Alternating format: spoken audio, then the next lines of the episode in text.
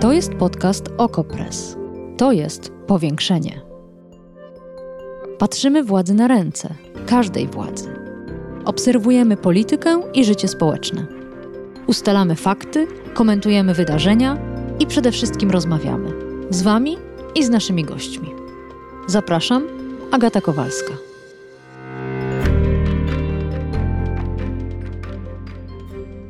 Dzisiaj rano odbyła się konferencja premiera Mateusza Morawieckiego. Dotyczyła sytuacji na granicy, między innymi sytuacji w Usnarzu Górnym. Premier Morawiecki powiedział: Kryzys migracyjny to prowokacja Łukaszenki, to atak na wschodnią granicę Unii Europejskiej. Staramy się wspólnie ten kryzys ograniczyć. Mamy pełne wsparcie Komisji Europejskiej. Poza tym Mateusz Morawiecki powiedział: Każdy dzień na granicy z Białorusią to kolejne prowokacje białoruskie, których liczby idą w setki. Nie ma godziny, w której służby białoruskie nie dostarczałyby na granicę białorusko-polską migrantów z Iraku, Syrii, Afganistanu, Libanu, Egiptu, Somalii. Ze wszystkich krajów, z których mają możliwość ściągnięcia migrantów. Tylko od początku sierpnia liczba udaremnionych prób przekroczenia nielegalnie granicy to ponad 4 tysiące. Później Morawiecki stwierdził, że stan wyjątkowy ułatwia wyłapywanie osób związanych z międzynarodowymi grupami przestępczymi to osoby, które czekają z transportem na nielegalnych migrantów.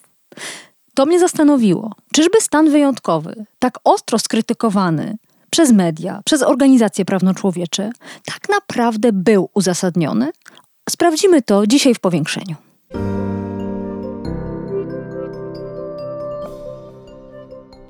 A naszym gościem jest profesor Adam Bodnar z Uniwersytetu SWPS, były rzecznik praw obywatelskich. Dzień dobry, panie profesorze. E, dzień dobry, panie redaktor, dzień dobry państwu. W czwartek rząd wprowadził stan wyjątkowy, oczywiście za poparciem prezydenta RP. Czy w świetle konstytucji i innych przepisów prawa była to legalna decyzja? Z punktu widzenia formalnego, oczywiście wszystkie e, przesłanki zostały wypełnione, a mianowicie rząd ma prawo wprowadzić e, stan wyjątkowy, jeżeli dostrzega zagrożenie dla e, bezpieczeństwa państwa bądź porządku publicznego. Co więcej, w tym przypadku wniosek został skierowany do prezydenta. Ten stan nadzwyczajny w postaci stanu wyjątkowego został wprowadzony. Teraz będzie nad nim obradował Sejm, który ma prawo zgodnie z konstytucją uchylić stan wyjątkowy. Natomiast nieraz bywało tak, że formalna litera prawa się zgadzała, ale coś nam nie pasowało w przesłankach, czyli y, nie do końca mieliśmy wrażenie, że rzeczywiście istnieje na tyle poważne zagrożenie dla bezpieczeństwa y, państwa oraz porządku publicznego, aby określone rozwiązania wprowadzać. Co więcej, to jest pierwszy raz w historii Polski, kiedy ten stan e, wyjątkowy na gruncie nowej konstytucji e, został wprowadzony i możemy mieć, e, zastanawiać się, jakie są rzeczywiste cele, czy cele odpowiadają temu, co deklaruje rząd, czy też być może chodzi o osiągnięcie celów czysto politycznych. To będziemy zaraz się tym celom przyglądać, uzasadnieniom, tym formalnym i tym, które padły choćby na konferencji premiera, ale chciałam na początku przytoczyć argument, który się pojawiał najczęściej od czwartku. Skoro rząd twierdzi, że zagrożenie jest zewnętrzne, to powinien wprowadzić stan wojenny, a nie wyjątkowy. Czy dla pana, jako prawnika, y, to jest poważny argument, czy podważający zarazem ów stan nadzwyczajny, który wybrał rząd, czy też jednak to jest pewien drobiazg i, i nie powinniśmy w ogóle na, ten, na to tracić czasu? Ja myślę, że byśmy to, powinniśmy to zostawić jednak z boku mimo wszystko, no bo jednak e, konstytucja mówi wyraźnie o też zagrożeniu dla bezpieczeństwa, tak? I tak to e, interpretuję. Ja wiem, że rząd e, na wiele różnych sposobów teraz przedstawia także fakt, że mają być organizowane te manewry wojskowe zapad y, przy polskim pograniczu, ale te manewry też są organizowane od wielu lat. To mam wrażenie, że nikt nie zamierza naruszać integralności terytorialnej e, Rzeczpospolitej e, i, i aby w tym celu wprowadzać stan wojenny. Natomiast, no, panie redaktor, my się za często poruszamy w takiej przestrzeni między rzeczywistością a propagandą, między argumentami, które są naciągane, a tym, jak się, e, jakie istnieją rzeczywiste podstawy do podejmowania określonych działań. A to, co najbardziej pamiętamy, to jednak obraz 32 e, osób, które starają się o uzyskanie ochrony międzynarodowej, które przebywają w okolicach e, Usnarza Górnego i to była główna przyczyna, moim zdaniem, wprowadzenia tego stanu wyjątkowego. Mhm. To zaraz tym osobom też się przyjrzymy i temu, że akurat o nich e, premier właściwie dzisiaj w ogóle nie wspominał, ale właśnie, a propos ćwiczeń Zapad, to jest podnoszone i przez premiera, i przez Straż Graniczną. Równocześnie mowa jest o tym, że na niespotykaną skalę Białoruś przywozi e, uchodźców czy migrantów, bo słowa uchodźca nasz rząd nie używał, mm, na granicę. Czy połączenie tych faktów i jednak e, taka interpretacja sytuacji, że istnieje zagrożenie prowokacją, to słowo też często jest powtarzane, uzasadniałoby stan e, wyjątkowy? Znaczy przede wszystkim już tyle razy my słyszeliśmy różne argumenty y, rządu w różnych sytuacjach, które okazywały się albo błędne, albo y, nadmiernie interpretowane, że ja nie wiem, na ile my się poruszamy w jakiejś fikcji literackiej, y, a na ile to jest faktycznie rzeczywistością. No, trudno mi to teraz w tym momencie mm -hmm. zweryfikować. Jak rozumiem, służby wywiadowcze dysponują odpowiednimi danymi. Mam nadzieję, że te informacje będą przedmiotem obrad sejmowych. E, mogę się zgodzić z tymi, którzy mówią, że dlaczego w takim razie wcześniej nie, nie opozycja o tym nie została poinformowana i dlaczego nie poszukano takiego szerszego konsensusu dla tego rzekomego e, zagrożenia dla bezpieczeństwa e, Polski. Dzisiaj w Sejmie ma być poszukiwany ten konsensus również na niejawnym posiedzeniu komisji, więc to, jak rozumiem, ma się wydarzyć. To po, panie profesorze, to przenieśmy się na chwilę do Usnarza Górnego, do tych 30 paru osób, które tam się znajdują, chociaż premier twierdził, że te osoby się zmieniają, że raz jest ich 20, raz 30 i tak naprawdę to jest jeszcze kolejny dowód na to, że to jest wszystko ustawione. Zastanawiam się, kto w tym momencie w czasie obowiązywania stanu wyjątkowego ma prawo nieść pomoc tym uchodźcom lub kontrolować, co się tam dzieje, co robi Straż Graniczna, co robi wojsko, jakie są decyzje władzy. I wymieniłam, wypisałam sobie kilka podmiotów. Zastanawiam się, czy którykolwiek z nich ma prawo tam wkroczyć i działać z urzędu. Urząd do Spraw Cudzoziemców, Rzecznik Praw Obywatelskich, Polski Czerwony Krzyż, organizacje monitorujące i pomocowe, takie jak Fundacja Ocalenia albo Stowarzyszenie Interwencji Prawnej, media. Czy ktokolwiek może w tym momencie wkroczyć na ten teren objęty stanem wyjątkowym? Zacznijmy może od końca. E, moim zdaniem stan wyjątkowy w sposób e, bezpośredni wyłącza możliwość jakiejkolwiek aktywności e, ze strony organizacji pozarządowych, gdyż zazwyczaj aktywiści, wolontariusze tych organizacji nie mają miejsca zamieszkania na terenie tych gmin, które są objęte stanem wyjątkowym, a w związku z tym nie będą dopuszczeni do tego obszaru. Mogą być w każdym momencie e, wylegitymowani i wręcz ukarani za przekroczenie prawda, tej granicy, tych miejsc, które są objęte stanem Ale wyjątkowym. Polski Czerwony Krzyż, czy w ogóle Czerwony Krzyż, organizacja, która jest organizacją światową, ma prawo wjazdu nawet na tereny działań wojennych i są chronione te organizacje przez specjalne przepisy, więc jak to tu wygląda? Dlaczego Czerwony Krzyż może działać na przykład na froncie w Syrii, a nie może na granicy polsko-białoruskiej? To znaczy jeszcze do Czerwonego Krzyża nie dotarłem, mm -hmm. także mam wrażenie, że właśnie e, tego jeszcze nie zdążyłem mm -hmm. sprawdzić dokładnie, jak to e, brzmi w przepisach, ale o ile mnie Państwo nie myli, to relacje między e, państwem polskim a Międzynarodowym Czerwonym Krzyżem regulują odrębne przepisy. No i jest to organizacja, która ma status inny niż typowa organizacja pozarządowa. Jasne. Ona może być zarejestrowana jako stowarzyszenie czy fundacja w danym państwie, natomiast no właśnie cała idea Czerwonego Krzyża polega na tym, żeby nie oglądać się na różnego rodzaju obostrzenia, tylko właśnie sięgać do tych najgłębszych, najbardziej doniosłych miejsc, gdzie pomoc jest konieczna. I mnie trochę tutaj dziwi takie swoiste milczenie Czerwonego Krzyża, że wiemy, co się dzieje na granicy, a jakoś nie widzimy ani mocnych deklaracji, ani chęci rozwiązania tej sytuacji przez Czerwony Krzyż. Natomiast no, instytucją, która w normalnych warunkach, pani redaktor zaczęła też od Urzędu do Spraw Cudzoziemców, w normalnych warunkach to państwo polskie powinno udzielić pomocy humanitarnej, natomiast ci, te osoby na granicy stały się swoistymi zakładnikami, gdzie władze, naruszając wszelkie normy prawa humanitarnego, które obowiązują niezależnie od stanu wyjątkowego, y, państwo polskie po prostu naruszyło. Pamiętajmy, że w tej sprawie zostało wydane postanowienie tymczasowe, tak zwany interim measure przez Europejski Trybunał Praw Człowieka i to postanowienie już samo w sobie powinno nakazywać udzielenia tym osobom, tym 32 osobom pomocy właśnie humanitarnej, czyli dostępu do lekarza, leków, wody, mhm.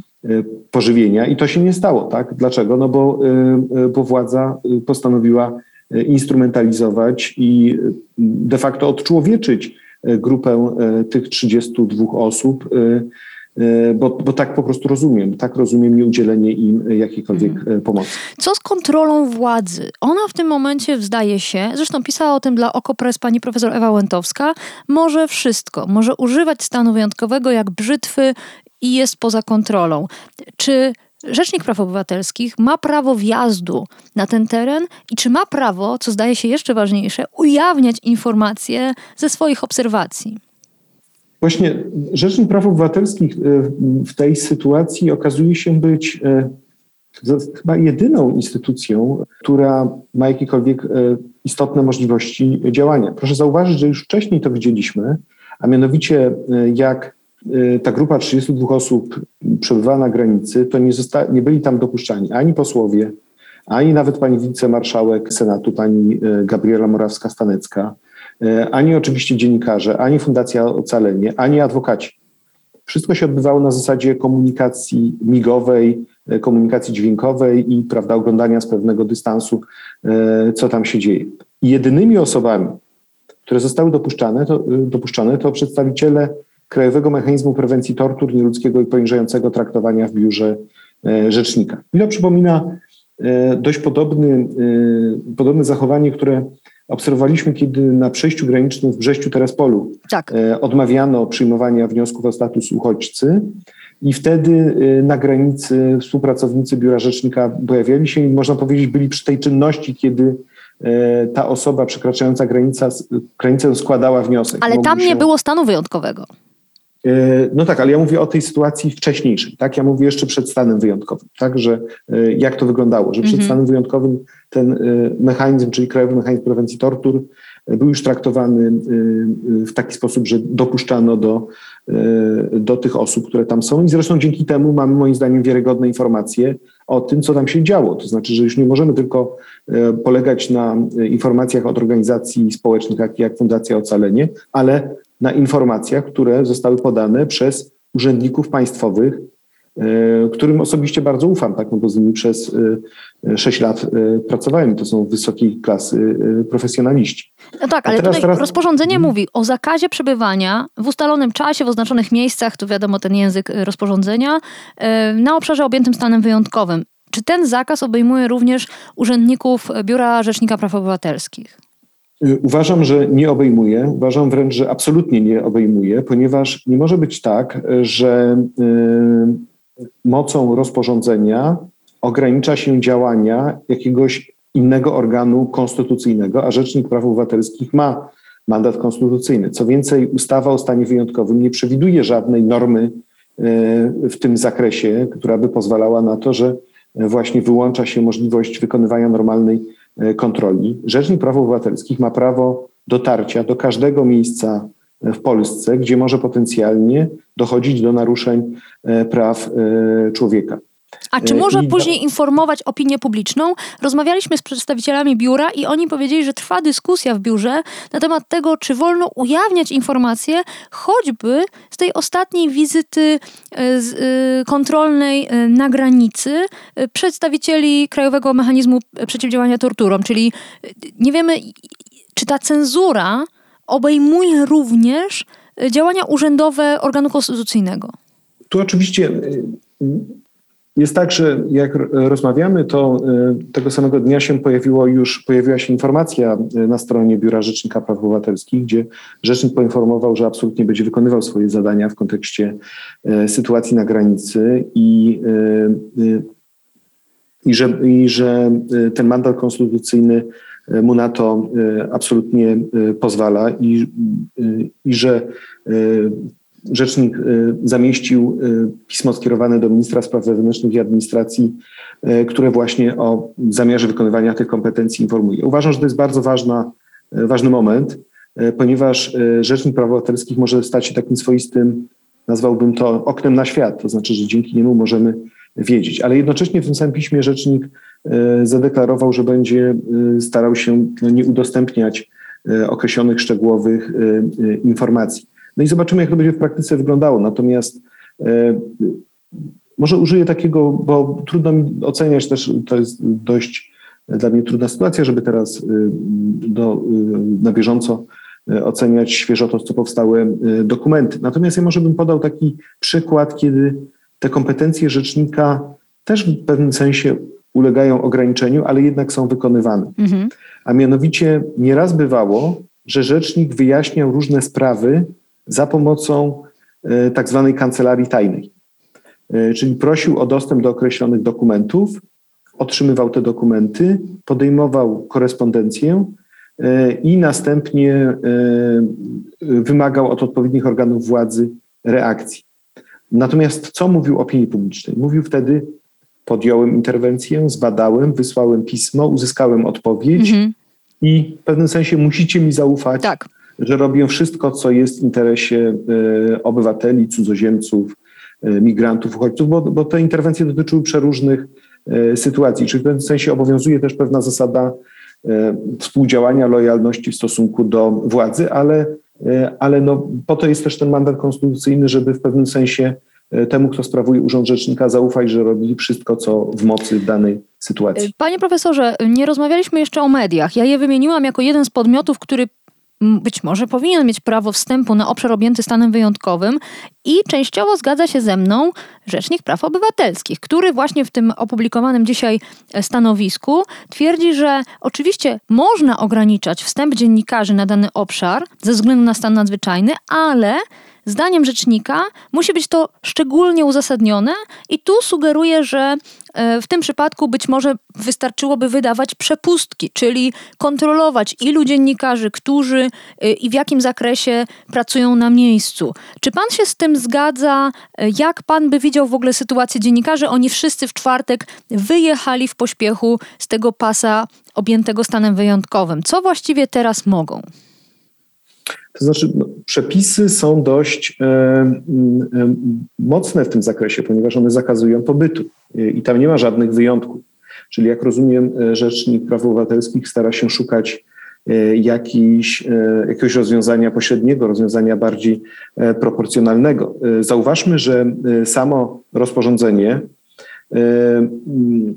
używa takich swoistych klauzul generalnych, tak. które pozwalają na różnicowanie podejścia do określonych sytuacji. Na przykład artykuł 15 mówi, że e, rodzaje ograniczeń wolności praw człowieka i obywatela powinny odpowiadać charakterowi oraz intensywności zagrożeń stanowiących przyczyny wprowadzenia stanu wyjątkowego, a także zapewniać skuteczne przywrócenie normalnego funkcjonowania państwa.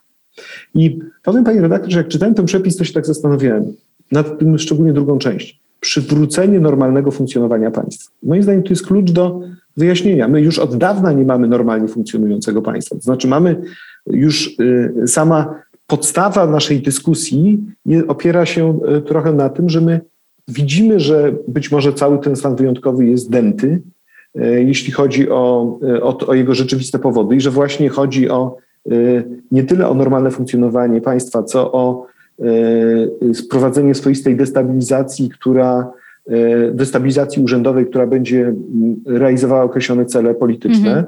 E, a tym bardziej wtedy, e, jeżeli cele polityczne są gdzieś tutaj z tyłu głowy rządzących, no to tym bardziej będą oni ograniczali możliwość dostępu dziennikarzy do tego, do tego terenu.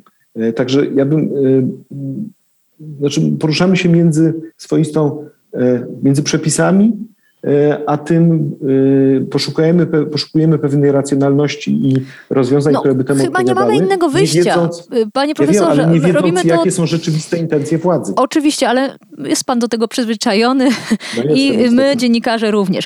Jeszcze jedna kwestia.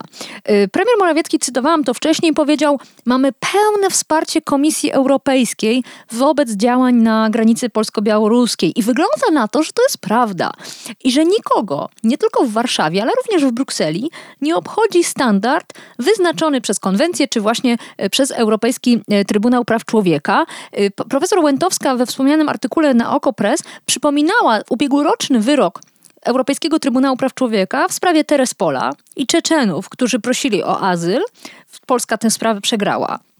A mimo to dużo bardziej trudnej sytuacji, tej, którą mamy teraz w Usnarzu Górnym, y, komisja nie apeluje, nie wyraża zaniepokojenia, y, wręcz przeciwnie, wygląda na to, że wspiera y, polski rząd.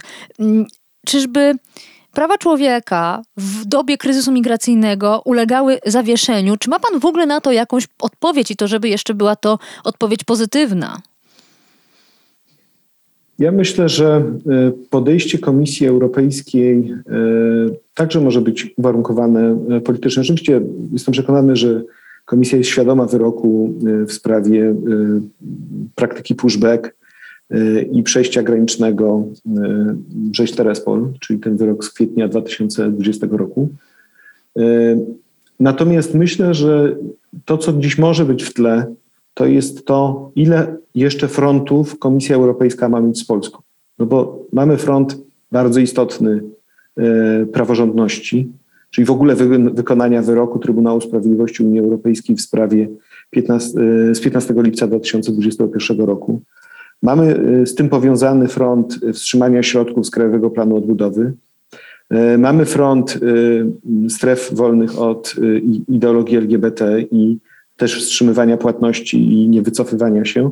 I być może na tym tle komisja uznała, że e, tutaj te problemy, które występują na granicy, są w istocie czymś podobnym gatunkowo, tak może bym to nazwał, e, do sytuacji na Morzu Egejskim czy na Morzu Śródziemnym, gdzie i tak Unia Europejska ledwo sobie z tym jakoś, ledwo sobie z tym radzi, no, trzymając zasadę e, strzeżenia tych zewnętrznych granic unijnych. I z tego i z tego być może wynika takie właśnie wstrzymanie. Panie profesorze, podejście. ja y, naprawdę mam wrażenie, że jednak y, co jak co, ale strefy wolne od LGBT, mimo że są po prostu przerażającym pomysłem i y, wpisującym się w szczucie na społeczność LGBT w Polsce, jednak nie zrobiły tyle krzywdy, ile to, jak, w jaki sposób Polska a zarazem Unia Europejska traktuje y, uchodźców. Więc tutaj te proporcje są y, całkowicie y, pomylone. Rozumiem jednak, że to, co pan powiedział, że to się wpisuje w politykę migracyjną Komisji Europejskiej, która między innymi toleruje łamanie prawa przez choćby Hiszpanię. Pisaliśmy o tym niedawno. I tu chyba stąd ten tragiczny wymiar tej sprawy.